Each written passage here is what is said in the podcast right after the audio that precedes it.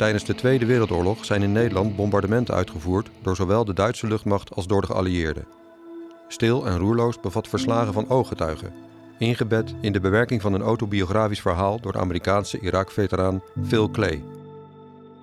Twee perspectieven komen bijeen: dat van de slachtoffers en dat van de veroorzakers van het leed, die vaak ook slachtoffer zijn.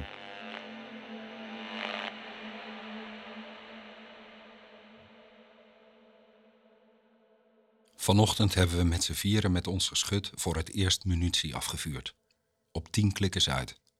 We hebben een groep opstandelingen uitgeschakeld en zijn toen gaan lunchen. Ongelooflijk. We hadden er lang op gewacht en nu mochten we eindelijk eens schieten. Het werd tijd. Het werd echt een keer tijd dat we een stel van die lui afmaakten. Hoeveel zouden we er hebben gedood? In totaal ongeveer een peloton. Zou je denken, een peloton? En waarom denk je anders dat we die hele klerenbatterij nodig hadden? Die hadden we niet nodig. We hadden die hele batterij niet nodig. Maar ze hadden het idee misschien dat op die manier iedereen een keer kon schieten. Op een echt doel kon schieten. Ja, ongeveer een peloton. En we hadden die batterij wel nodig. Maar afgezien van de rest, hoeveel zouden er gedood zijn door ons geschut? Alleen door het onze? Nou, luister, een peloton betekent ongeveer een stuk of 40 man. We hadden een batterij met zes stuks geschut, dus dat is eh, zes, eh, weet ik veel, eh, ongeveer 6,6 man per geschut. We hebben per geschut 6,6 man omgelegd. Die 0,6, was dat misschien een romp en een been of een romp en een hoofd? Niet grappig. We weten het niet. We, we weten niet wat wij met ons geschut hebben aangericht. En de andere jongens weten het ook niet. We weten niets. Rotterdam, Luftwaffe, binnenstad. Zondag 14 mei 1940. Tussen de 650 en 900 doden. Met zo'n twaalf mensen kropen we bij elkaar. Onderaan de trap in het benedenhuis. Honden blaften en mensen gilden overal om ons heen. Een van de bommen blies de pui en de voordeur uit ons huis. We holden naar buiten en gingen de hoek om van het verwoeste plein. Langs het politiebureau, waar een rode kruispost was ingericht. Nee, we weten niets. Niet voordat je de lijken hebt gezien. Het is beter zo. Vinden jullie het niet raar om na onze eerste echte missie gewoon te gaan lunchen? We moeten toch vreten? We hebben een paar bad guys gedood, dat voelt goed. Heel gek, maar zelf heb ik niet het idee dat ik iemand heb gedood. Wij zijn degene die aan dat afvuurkoord hebben getrokken. Wij hebben dat ding afgevuurd, jij hebt het alleen geladen. Maar het had ook andersom kunnen zijn. En, en dan nog. Ja, maar het was niet andersom. Hou op. Zo'n ding laden, vuren, weet ik veel, dat is teamwerk. Teamwerk. Rotterdam, Luftwaffe, binnenstad. Zondag 14 mei 1940. Tussen de 650 en 900 doden. In het bureau zat bij een potkachel in de hoek een man. Nou ja, een mummie. Breed verband was om zijn hoofd gewonden. Dik vocht droop er onderuit. Ze zeiden dat het zijn hersens waren. Ik let alleen op het bakje dat hij met een hand onder zijn kin hield en hoorde hem zacht kermen. Was ik maar dood. Was ik maar dood. Ik heb dat ding geladen. Maar de munitie komt van het depot. Zijn die mariniers van het depot dan niet ook verantwoordelijk? Wel ja joh, het depot. Waarom dan niet de fabrieksarbeiders die de munitie hebben gemaakt? Of, of de belastingplichtigen die ervoor hebben betaald? De luitenant heeft het bevel gegeven. Dus eigenlijk is hij degene. Luister, luister verdomme. Wij zijn verantwoordelijk voor dat geschut. Wij hebben net een paar bad guys gedood met ons stuk en dat is een prima resultaat voor een ochtend werken. Toch voelt het nog steeds niet alsof ik iemand heb gedood. Oh nee joh. Mijn god, wij met z'n drieën wel, maar jij dan niet. Akkoord? Als ik uit de eetzaal kom, weet ik niet wat ik met mezelf aan moet. Er staat pas 's avonds weer iets op het programma. Dan moeten we weer lichtmunitie afschieten. Eindhoven, Royal Air Force, fabriekencomplex Philips, bijkomende schade. Zondag 6 december 1942. 138 doden. Het was alsof de zon verduisterd werd. Alleen maar stof. Mijn huis kon ik niet meer vinden. Het was er niet meer. Alleen een muur stond nog overeind.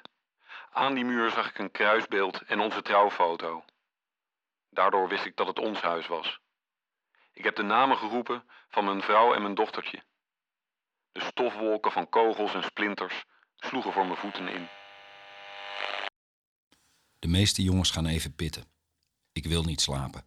Ik heb het gevoel dat ik klaar wakker ben. Nou, eindelijk iets om aan mijn moeder te vertellen. Ja, iets om aan Jessie te vertellen. Jessie, Mevrouw, wanneer heb je haar voor het laatst gesproken? mm, anderhalve week geleden. Ik kijk naar mijn trouwring. Een week voor mijn uitzending zijn Jessie en ik getrouwd, zodat zij een uitkering zou krijgen als ik sneuvelde. Wat moet ik tegen haar zeggen? Dat je een paar bad guys te grazen hebt genomen. Misschien. Bij haar is het nu vier uur s'nachts. Ik, ik moet nog een paar uur wachten voor ik het haar kan vertellen wat een held ik ben. Dat vertel ik mijn moeder elke dag.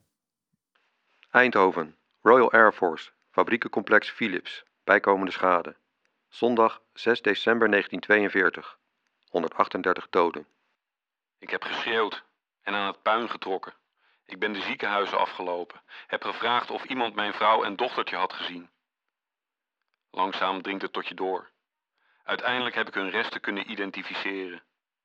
Het was pover. Het had bij elkaar in een klein mandje gekund. Maar het was tenminste iets. Nou, ik ga ook even pitten. Doei. Ik ben alleen. Ik loop naar de plek van waar we vanochtend geschoten hebben. Ik zie de stukken. Verlaten. Ze wijzen omhoog. Vanochtend was elk geschut bemand. Iedereen was opgewonden bezig. De hemel was zwart, op een toefje rood na dat er vanaf de horizon invloeide. Nu staan de stukken te fonkelen in de zon. Het lijkt alsof er geen ochtend geweest is. Er is niets wat wijst op wat hier gebeurd is. Maar ik weet dat op tien klikken zuid van ons een gebied ligt waar het stikt van de kraters, van de granaatscherven, van de ruïnes, Nijmegen, van de uitgebrande voertuigen, United States Army Air Forces, van de verminkte lijken. vergissingsbombardement. 22 februari 1944, tegen de 800 doden. Het plein lag bezaaid met de lichamen van mensen. Ze hadden allen dik schuim op de mond. En dat schuim was vermengd met stof dat vooral ook ogen en oren en neusgaten bedekte. Ik veegde zo goed mogelijk het stof uit hun mond en neus. Ergens ligt een lijk te verbleken in de zon. En voordat het een lijk was, was het een man die leefde en ademhaalde. En misschien moorde en martelde. Het soort man dat ik altijd al heb willen doden. Hoe dan ook, een man die nu zeker dood is. Nijmegen, United States Army Air Forces, vergissingsbombardement. 22 februari 1944, tegen de 800 doden.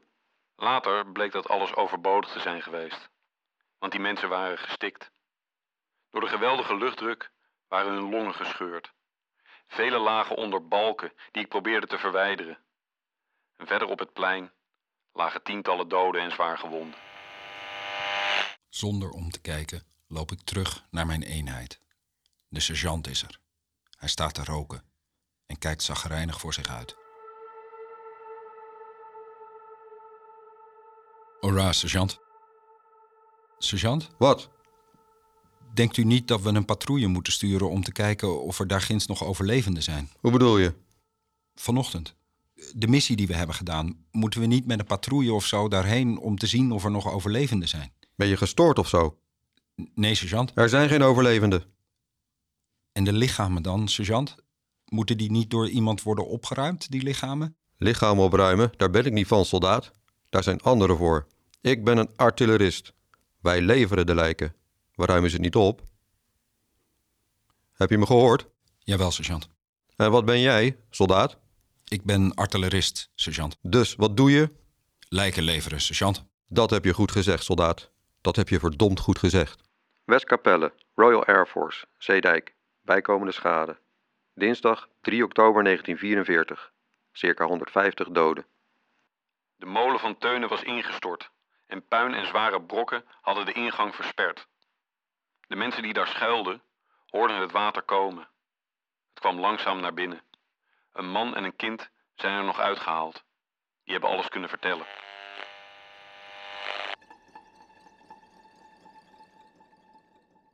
Het was stom om dat te vragen, maar het heeft me wel aan het denken gezet. Het opruimen van de lijken, daar is een speciale dienst voor. Ik had er niet aan gedacht. De lijken moeten zijn opgehaald vanmorgen. Westkapelle, Royal Air Force, Zeedijk. Bijkomende schade. Dinsdag 3 oktober 1944. Circa 150 doden. Het afscheid moet hartverscheurend zijn geweest. Het water kwam steeds hoger en de een na de ander zou verdrinken. Veel schuilkeldertjes zijn opgegraven, waar hele gezinnen zich aan elkaar vastklemmend de dood hebben gevonden. Alle gewonden en lijken werden weggevoerd. Ik zag de lijken op platte wagens met dertig tegelijk als brandhout vervoerd worden. Ik loop rond op zoek naar het gebouw van de dienst lijkenopruiming. Ik sluip zeker een half uur rond. Ik wil niet dat ik gezien word. En dan vind ik een gebouw als alle andere gebouwen. Ik sta buiten en kijk naar de ingang. Een eenvoudige houten deur. Ik aarzel, maar ik ben helemaal hierheen gelopen. Ik heb het gevonden. Ik ben niet laf, dus doe ik de deur open. Binnen is het koel. Kan ik je helpen, soldaat? Heb je iemand verloren, jongen? Nee, nee. Nee, ik ben artillerist. Oké, We hadden vanochtend een missie met een doelwit op 10 klikkers uit. oké, Het was voor mij de eerste keer dat ik zo'n missie deed. oké. Alles in orde, soldaat? Ik heb gewoon nog nooit iemand gedood. Ik ook niet. Maar ik nu wel, denk ik. Ik bedoel, we hebben gewoon die granaten afgevuurd. Oké, Den Haag, Royal Air Force, Bezuidenhout. Foutieve opdracht. Zaterdag 3 maart 1945. Circa 520 doden. Daar gingen we. Het was een lugubere tocht langs lijken en gewonden. Een grote stroom van vluchtelingen. Velen liepen in pyjama's en op blote voeten. Enkele hadden een paar dekens bij zich en een tas met brood. De mensen hadden letterlijk alles achtergelaten om het vege lijf in veiligheid te brengen. en waarom ben je dan nu hier? Ik dacht dat jullie er misschien heen waren gegaan. En hebben gezien wat wij hebben aangericht. Nee, wij zijn er voor onszelf. De vijand zorgt voor zijn eigen slachtoffers. Oh. Oké. Het komt wel goed. Ja. Bedankt. Ben je getrouwd, soldaat? Ja. Zo'n twee maanden nu. Hoe oud ben je? 19. Ik moet maar weer eens gaan. Dat denk ik ook. Ja. Den Haag, Royal Air Force, Bezuidenhout. Foutieve opdracht. Zaterdag 3 maart 1945. Circa 520 doden. Vrachtauto's reden af en aan met lijken en zwaar gewonden. Een bakfiets passeerde ons waarin een zwaar gewonde lag te brullen. De man die fietste schreeuwde dat de mensen opzij moesten gaan. En onderwijl zei hij tegen het slachtoffer: Stil maar. Stil maar.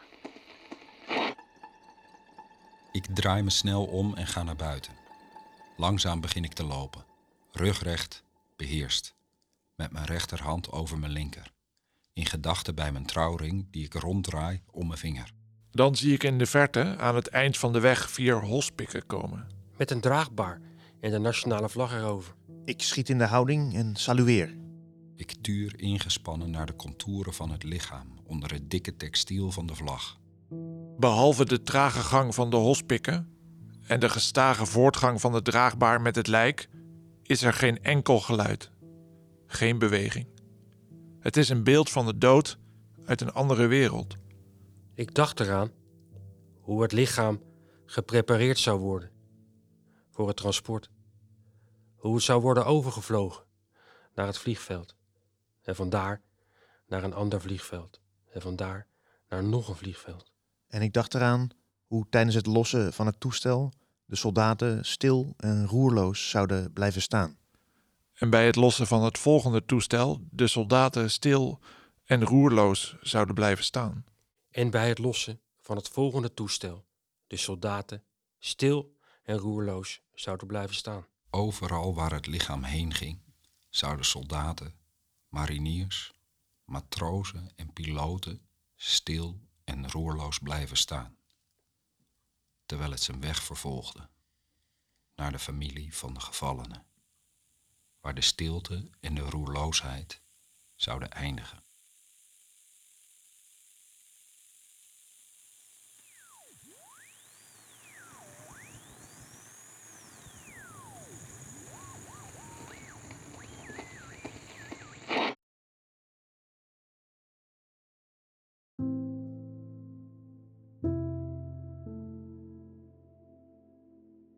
Stil en roerloos werd gemaakt voor Theater Na de Dam 2022 door toneelgroep Aldente.